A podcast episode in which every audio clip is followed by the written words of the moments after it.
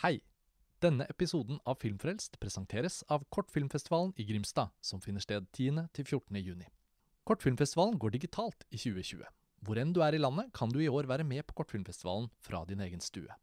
Her vil du oppdage de beste kortfilmene fra Norge og resten av verden. Fra kjente regissører og fremadstormende talenter. Møt filmskaperne, få med deg brennaktuelle debatter, og la deg inspirere på virtuelle mesterklasser og fagseminarer. Følg hele festivalen på kortfilmfestivalen.no, og dyrk filmgleden sammen med oss 10.-14. juni.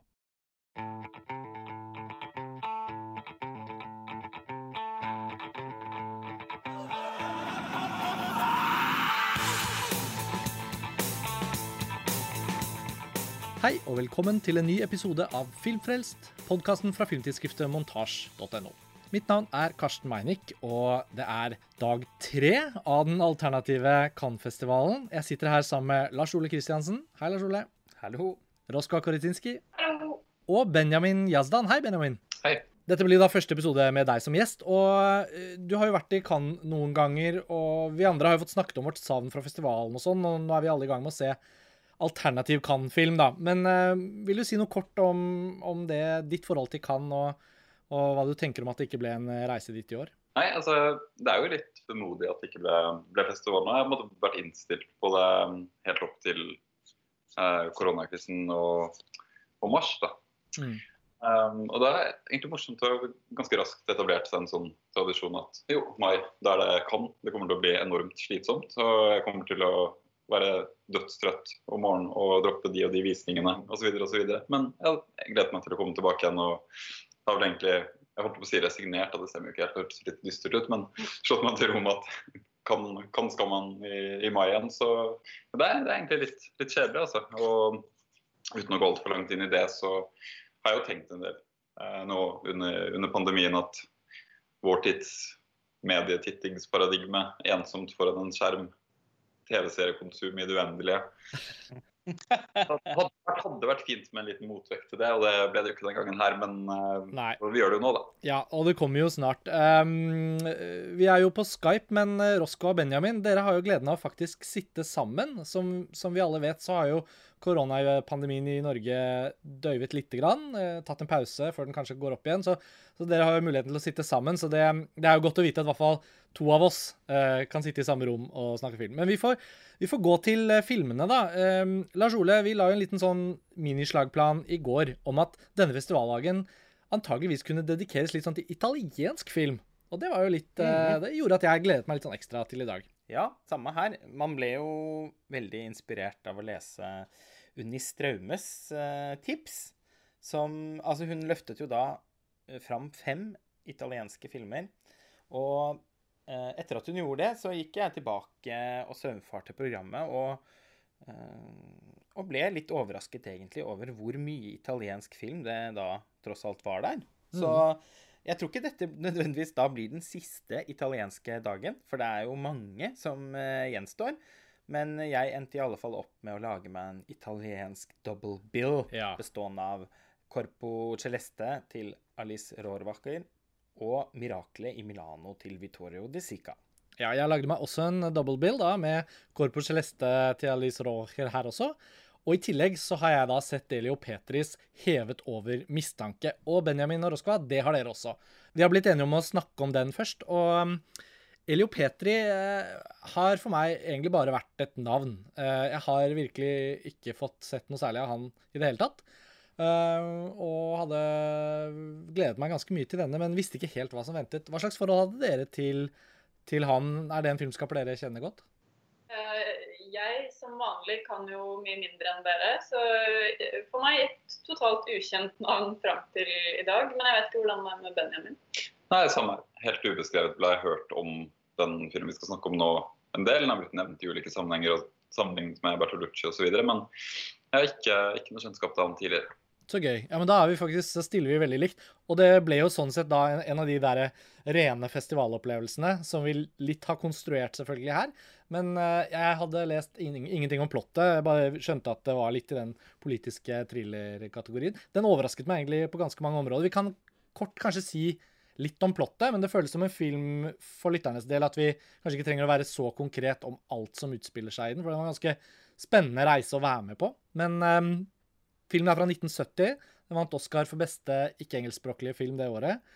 Og er jo vel så mye en sort satire som den er en thriller. Egentlig følte jeg at den var ganske lite av en thriller, og i mye større grad en ganske fengende karikatur over eh, korrupsjon og, og Det utspiller seg i et politikammer i Roma med en hovedperson som starter filmen med å begå et mord, og så egentlig er litt analytisk innstilt til hvordan han skal følge den etterforskningen, for han jobber selv som en av lederne på politistasjonen.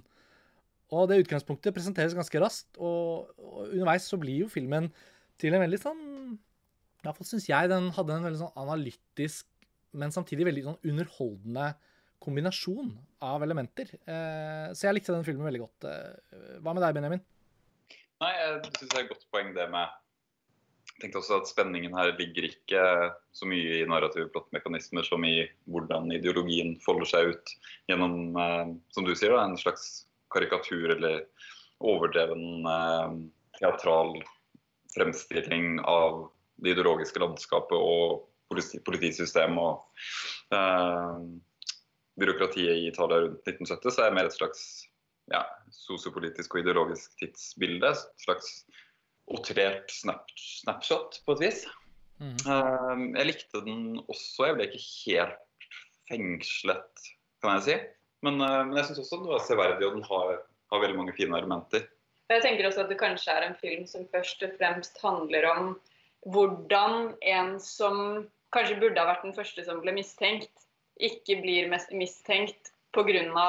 Eh, ytre faktorer. Da. Altså sånn, hvor viktig status eh, og statussymboler og makt og eh, riktig politisk tilhørighet mm. Hvordan det å på en måte beskytte seg bak sånne type markører gjør at på en måte alle blikkene vender i alle retninger, annet enn akkurat dit de burde ha vært rettet. da. Eh, så en ganske sånn tydelig politisk kritikk av et system som hegner om makthaverne, på en måte. Eh, ja. Men jeg er enig i at den var veldig severdig og den var veldig vakker på en sånn sedvanlig italiensk 60-70-tallsaktig måte. Ja. Eh, med helt sånn nydelig scenografi selvfølgelig, og flotte kostymer og veldig fint filma. Og nei, så jeg syns absolutt den var eh, severdig og mer enn det. Det aller morsomste for meg var faktisk hovedpersonens uh, væremåte. For jeg, etter bare noen minutter så begynte jeg å tenke på Patrick Bateman. Og jeg klarte ikke å riste han av meg. Og jeg synes det, var så, det er så sjelden man ser en film hvor noen klarer å skape en like karismatisk, ond hovedperson som man har en eller annen merkelig sympati med, og som man klarer å liksom eh, gå side om side med på et eller annet vis, i, i hva slags ideologisk tankegods de har, men også hva slags liksom eh, avstand de har til medmenneskene sine. Eh, Den derre psykopaten som har litt sjarm, han ser vi ikke så ofte. Og her plutselig følte jeg at vi Det var som liksom Patrick Bateman var hovedpersonen i en Costa Gavras-film. Eh, og jeg likte den kombinasjonen av elementer. da. Eh, og det er også jeg, jeg, kunne ikke unngå å tenke litt på Il Conformista til Bertolucci også, som, som, også er laget i 1970. Eh, den er jo en mye vakrere, på en måte mer sånn episk og tragisk film, men i i det derre italienske litt sånn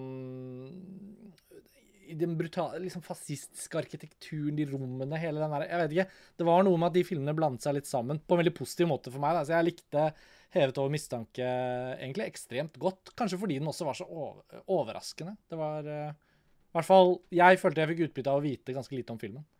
Mm. Så ligner den jo også på Il Conformista og Bertolucci i og med den koblingen mellom undertrykt seksualitet og repressiv perversjon og fascisme og autoritær personlighet og en sånn mer eller mindre karikert eller satirisk lek med en freudiansk forestillingsverden. Eh, noe som egentlig er veldig tidstypisk for mye eh, italiensk, men også egentlig fransk-spansk film på, på 60-70-tallet. som man søker mot å forstå den fortsatte eksistensen av fascistiske trekk og tenke- og talemåter innad i systemet, eh, institusjonene gjennom eh, ja, en type freudiansk psykologisering. Da. Så den tilhører helt klart også det landskapet for meg.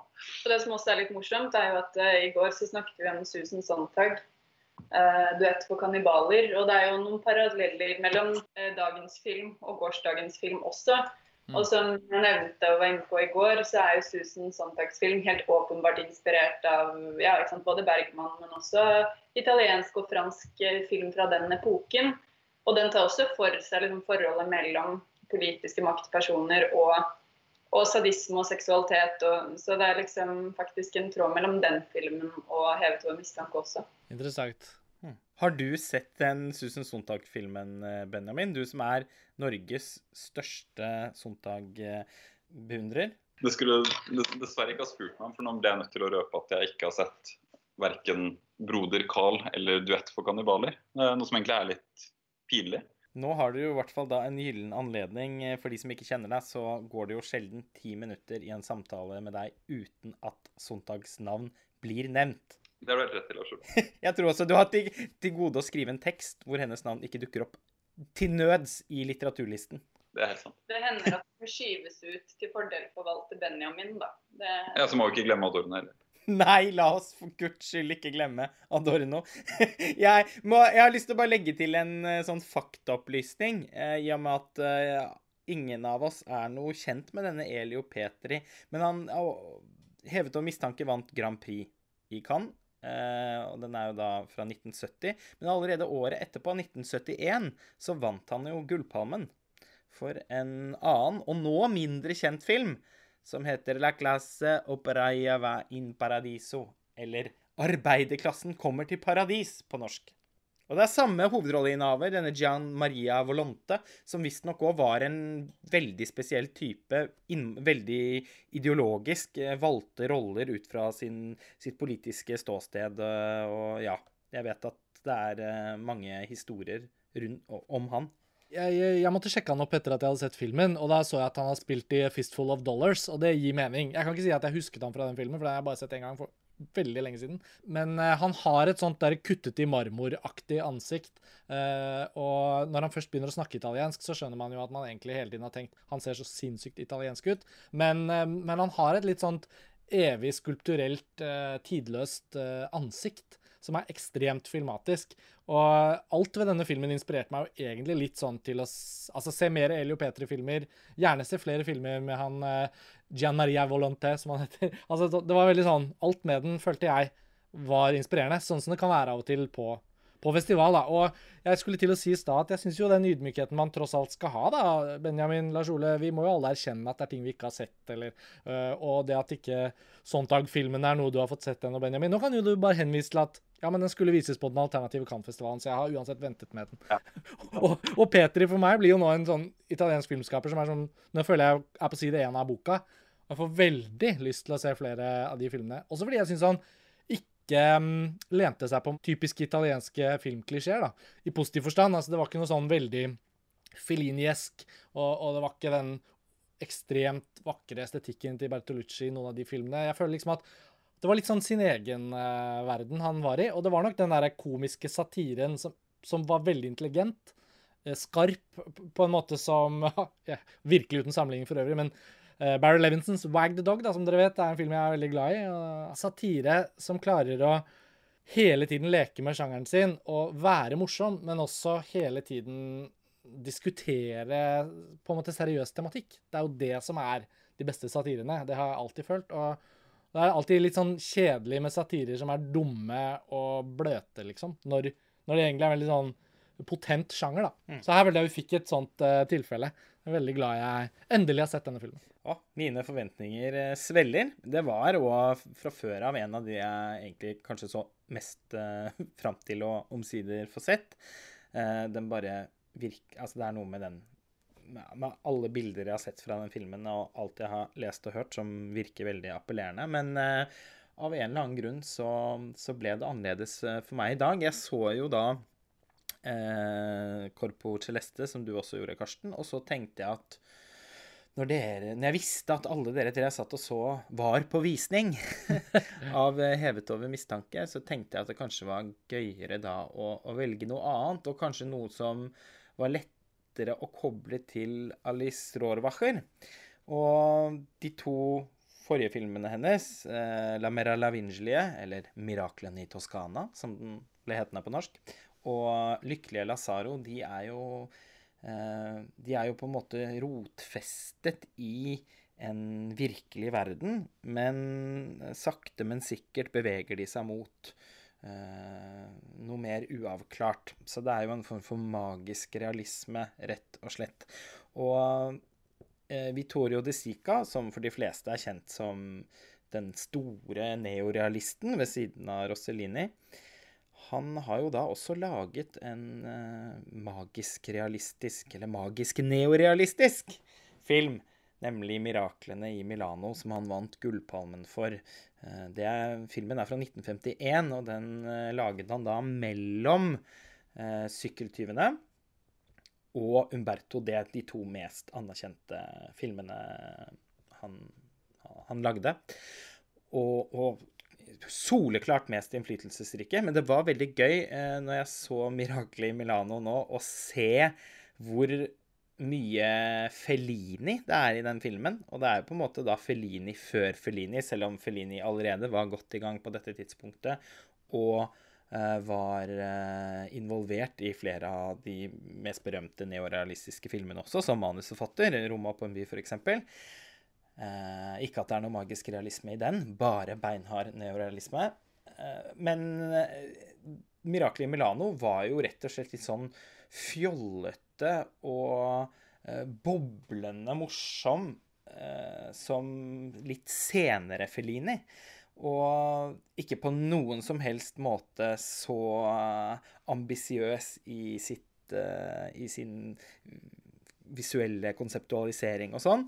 Men jeg må si at jeg ble virkelig revet med av den, av den filmen. Som handler da om en veldig gammel og, uh, og rar dame som uh, finner et, uh, en nyfødt baby i kålåkeren sin. Og hun da adopterer da han, og dør da han kanskje er sånn 10-11 år eller noe sånt. Og han har jo etter alle solmerker hatt en ganske merkelig oppvekst i det lille huset hennes. Hun oppfører seg som et barn, hun òg. Eh, det, det, var noe sånn såpass fjollete de første ti minuttene der at jeg fryktet litt for at filmen kanskje bare ble dum. Men eh, så blir eh, lille Toto sendt på barnehjem, og så bare forlater han barnehjem igjen med en gang, som en voksen person. Og da har han altså en sånn han, han, Det er som han har bare tatt gleden fra alle andre mennesker eh, og forsøker å gi den tilbake igjen. Han er som en sånn Guds engel sendt fra himmelen av Gud eh, ned til menneskene for at de skal få det bedre. Det er og, ja, ja, ja. Altså, det, det, var jo umulig å ikke tenke på lykkelige Lazaro. Men det er mye mer fullendt som en fabel, dette her. Fordi han, ja, han drar til eh, et utkantstrøk hvor det bor eh, Altså, ja, uteliggere, rett og slett. da. Folk som bor i blikkskur. Og så tar han på en måte litt sånn regien der og sørger for å bygge en liten by med, med en piazza og gater og, og, sånn, med liksom blikkskur som hovedestetikk, vel å merke. Men det blir liksom et lite samfunn. Og han evner å gjøre all, å, få de til å sette pris på livet, på tross av at livet innebærer så mange utfordringer. Og så ser vi at det igangsetter masse fantasi og idérikdom hos innbyggerne. Eh, de lager liksom et slags tivoli, og de har, eh, de har, fester, selv om de ikke har noe å feste med. De har vel ikke noe i glasset engang. Eh, og de eh, klarer på en ganske sånn utrolig måte å leve fullverdige liv. Men så, eh, i filmens andre akt, så tar moren kontakt fra himmelen Eh, med sin kjære Toto og gir han en hvit due. Og den duen den er som Aladdins lampe, men den kan han ønske seg hva han vil. Og eh, dette Han må da ta den i bruk eh, ganske raskt, fordi det er da selvfølgelig noen eh, onde menn i, i frakk og med stresskofferter som skal bygge en eller annen blokk eller noe på det området hvor Toto har laget en by. Og så, blir det en slags sånn magisk krig, egentlig, som eh, Med masse spesialeffekter og sånn. Og så Eh, når det har roet seg ned, så blir jo da innbyggerne Får jo innbyggerne lyst på mer materiell rikdom, som de nå kan få eh, gjennom denne duen som er en slags Aladdins lampe. Og etter hvert som de begynner å ønske seg eh, pelskåper Veldig mye pelskåper, forresten. Og og skap og kjeler, og, og etter hvert også da selvfølgelig penger. Og den første ønsker seg én million, den neste ønsker seg to millioner, den siste ønsker seg en million million! og eh, slik korrumperes samfunnet. Så det er jo da en sånn en kapitalismekritikk her, innenfor rammene av et norsk, liksom et norsk folkeeventyr. Hele filmen eh, ga meg en sånn Det var litt som å se en Ivo Caprino-film, eh, på en måte. Og det var helt strålende. Jeg syns det var For det første var det ordentlig morsomt. Og den hadde et, et hjerte av gull som ikke var falskt, den filmen. Jeg vet, jeg vet, liksom ikke i hvilken grad du solgte den inn eller ikke nå. For, for gjen, gjenfortellingen av plottet var mye, mye mer søkt enn jeg hadde forestilt meg. Ja, hva, hva, sier du, Roskva? Nei, men altså, Jeg er åpen for litt magi, jeg. Men jeg, jeg, sitter litt igjen med samme følelsen som Karsten. at Var dette en anbefaling? Altså, Jeg skjønner, hører jo at du konkluderer med at det var det. Men, men det føltes ikke helt som en anbefaling. Nei. Det er jo Altså, filmen er ikke uten svakheter. Så, og det er, helt, det er liksom helt uh, åpenbart. Men den hadde veldig høy underholdningsverdi.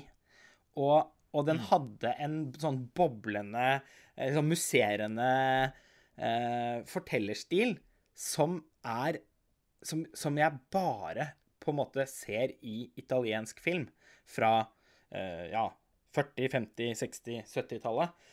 Jeg ser så levende for meg hvordan denne filmen her eh, har frelst mange til å synes at italiensk film er det mest fantastiske i hele verden. Og den har jo da åpenbart også eh, påvirk... Altså inspirert eh, en film som La Vita Bella Roberto Benigni.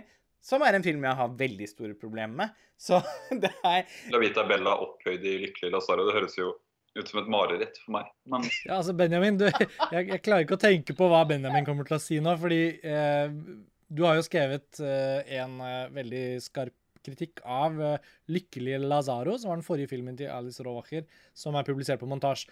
Og der uh, kjenner jeg at uh, i og med at vi også skal over på en Rowacher-film, så er det jo litt interessant å, å høre litt hva du, hva du, tenker om akkurat det, om akkurat den typen magisk realistiske grep.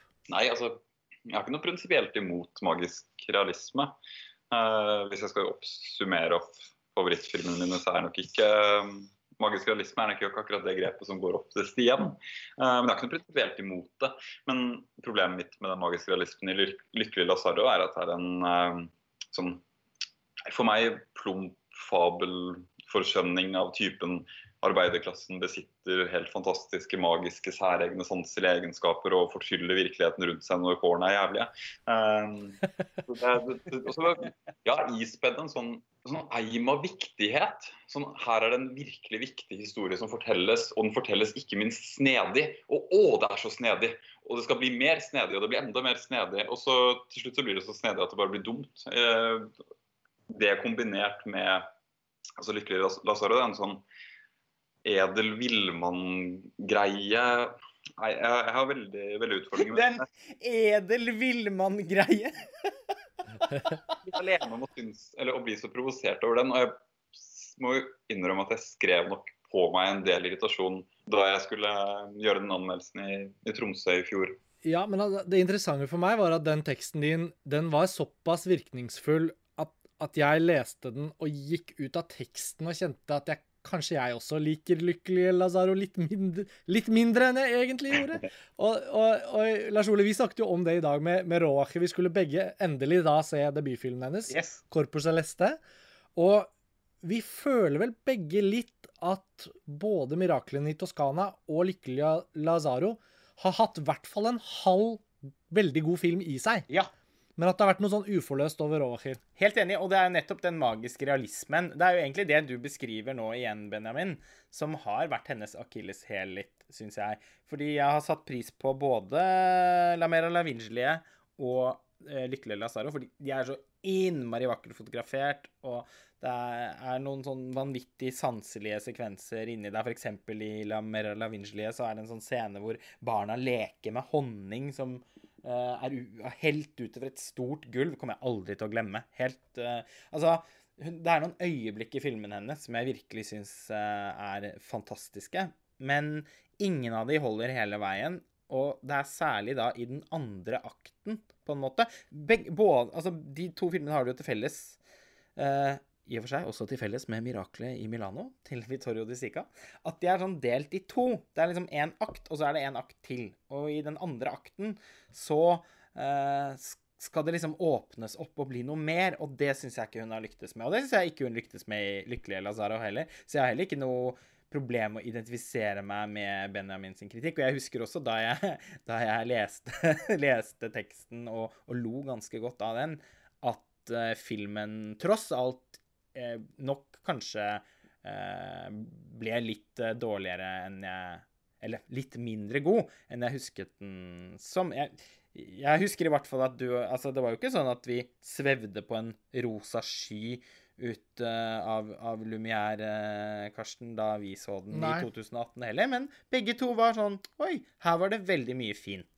Jeg har et slags merkelig minne av at vi så den i Soisantiem, det derre teltet Ja. bak uh, Du, Lumière. det, men, eh, du vet hva, det har du helt rett. du må gjerne romantisere over Lumière, men jeg mener å huske at det var i et telt. Du har helt rett i det. Jeg tenkte faktisk bare å liksom forenkle det litt, ja. Men ja, det er, er et sånt telt bak eh, festivalpalasset som heter Soa Santiem, som eh, er litt beryktet fordi det ofte er veldig stor risiko for å ikke komme inn der, fordi man ikke klarer å ha oversikt over hele køen, for det er flere parallelle køer. Og der kom vi dog inn på Lykkelige Lazaro, og vi så den.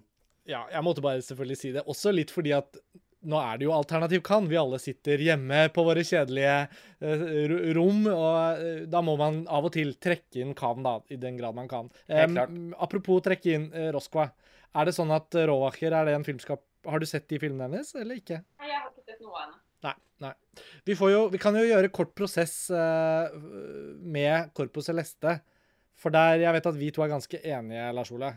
Vi har sett den i dag, og vi følte vel begge at det endelig var den veldig gode Rovacher-filmen som vi litt har ventet på. Og så har den jo ligget der hele tiden, da. I og med at det er debuten hennes, som ble vist i Kritikeruken i sin tid, og som vises i vår Kritikeruke. Ja, jeg føler nå at filmografien hennes på en måte går litt sånn i motsatt rekkefølge. At uh, Lazaro er den første filmen som prøver på en del ting den ikke får til, uh, men likevel er veldig sånn lovende. Stort filmskapertalent. Og så er La Mera La uh, en film som tross alt i hvert fall gjorde større inntrykk på meg, eh, men likevel ikke kommer helt eh, i, i mål, også fordi den eh, nok er enda mer ambisiøs på et par områder, og derfor også kan sies å falle enda litt mer igjennom. Men så, endelig, lykkes hun med noe helt fullendt i den tredje, men da eh, første, egentlig, da, filmen. Vi opplever filmene hennes i sånn Gaspar Noés irreversibel eh, rekkefølge, egentlig. vi da. Ja, eh, men dette var jo helt soleklart hennes eh, beste film, og jeg var eh, helt eh, trollbundet, egentlig, under hele visningen. Mm. Ja, nei, jeg òg. Hvordan, Nå kan du presentere Nå plottet Nå, nå, nå ødela jo jeg litt presentasjonen av 'Mirakel i Milano' i stad. og Åpenbart få det til å høres ut som en veldig latterlig film. Så nå får du prøve deg med Corpo Celeste.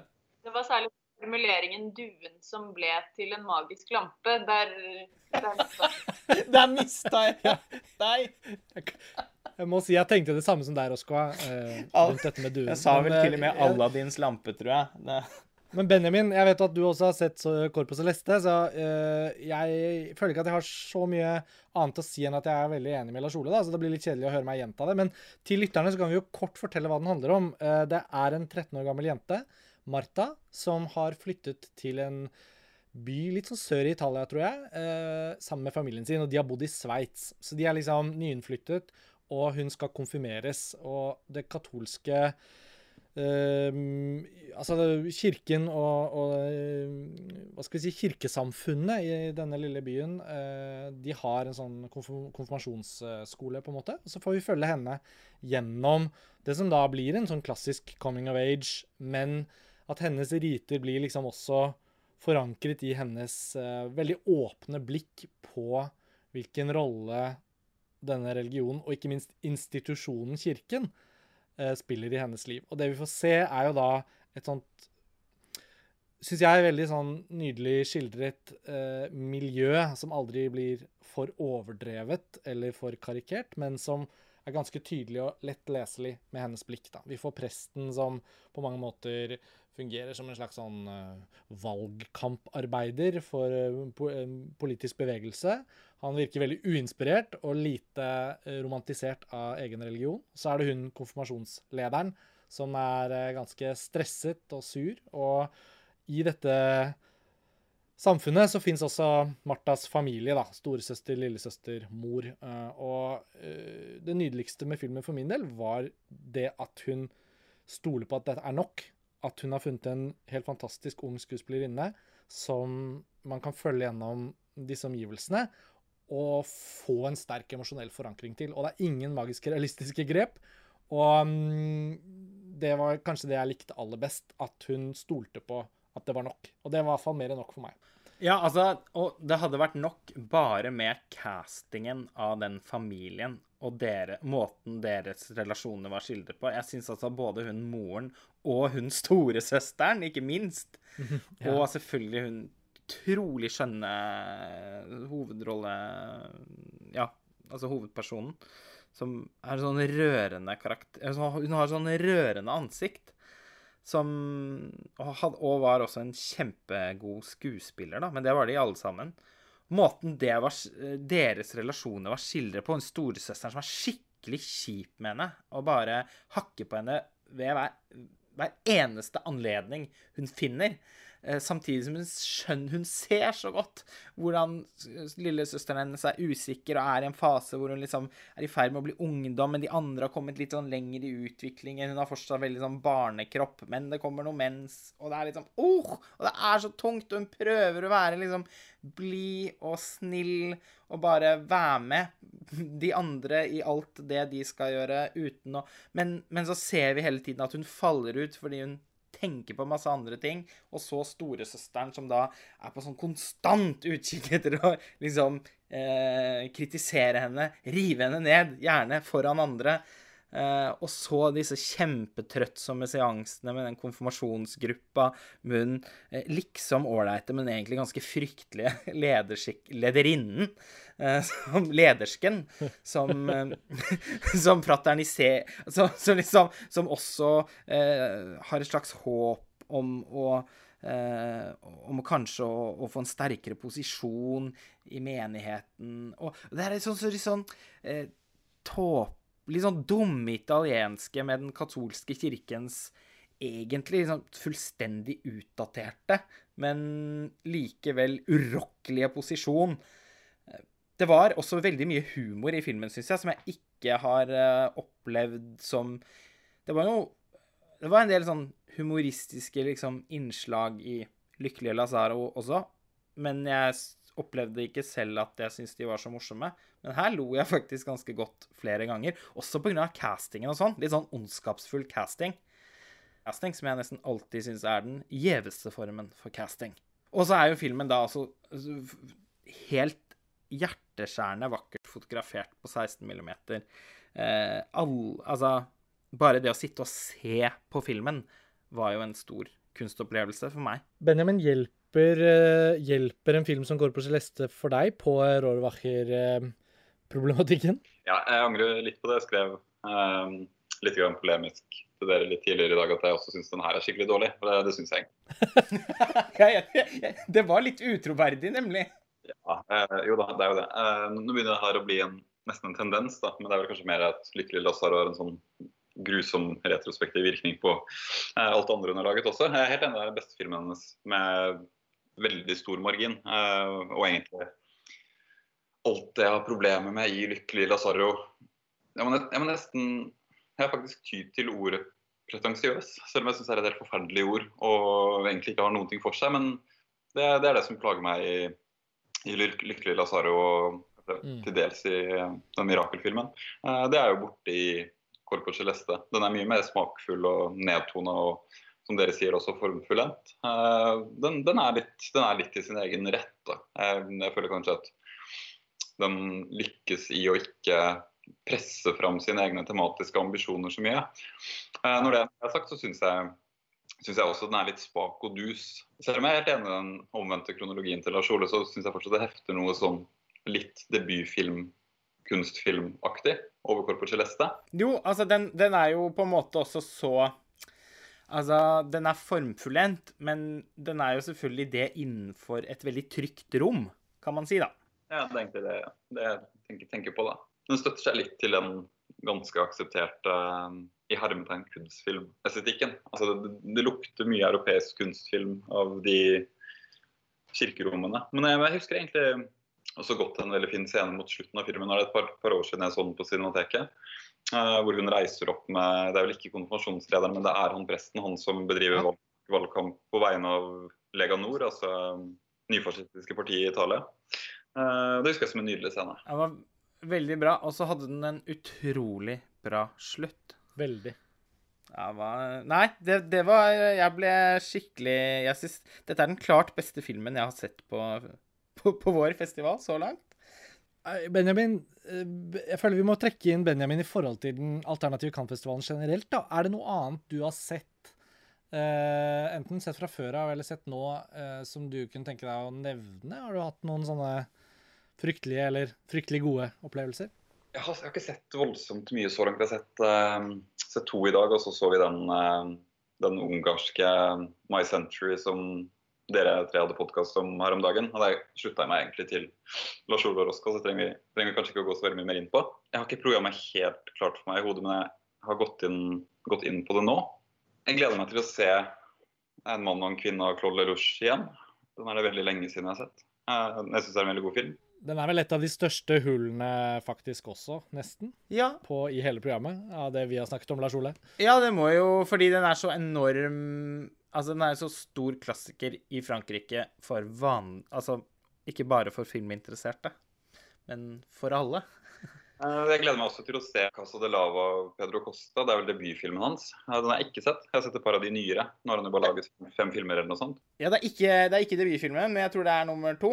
Nummer to, ja. Den, den ser jeg frem til. Eh, og så ser jeg veldig frem til et gjensyn med Den røde ballongens reise av Ho Xiao Xian, som jeg syns er en ekstremt undervurdert film virkelig, virkelig fin. Det er gøy å høre deg gå gjennom noe av det du ser frem mot å se igjen også, fordi vi er jo på mange måter bare i starten av en serie med podkaster her. Og vi har jo litt begrenset tid i denne episoden, så vi får ikke snakke så grundig om noe mer egentlig nå. Men, men det er veldig gøy å, å tease litt det som kommer, da. Og, og både Ho-filmen og Lelouch-filmen. Og, og selv om vi hadde litt italiensk fokus i dag, så gjenstår jo i hvert fall for mange av oss Eh, Pasolini-filmen, eh, Taviani-brødrenes film, eh, Olmi-filmen altså Det er jo mye italiensk som ikke vi har sett ennå. Bertolucci-filmen, Lars Ole, den uh, har jeg litt sånn håp om at vi skal få snakke om. ja.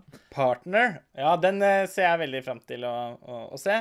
Og jeg vet jo at Benjamin Naroskva nå skal se Treskotreet til Olmi. Så den vil vi jo nødvendigvis da komme tilbake til. Den uh, kommer jeg også til å se en av de nærmeste dagene. Og ikke minst da uh, hevet over mistanke av Eli og Petri, som dere i dag har snakket så varmt om. Men med det så får vi kanskje nesten bare avslutte denne lille dagsrapporten. da. Roska, Benjamin, Lars Ole. Vi er jo på en måte da på vei inn i midten av festivalen, og eh, vi skal bare fortsette å se film og snakke snart igjen. Vi får si det sånn. Takk for denne gang. Ha det bra. Ha det.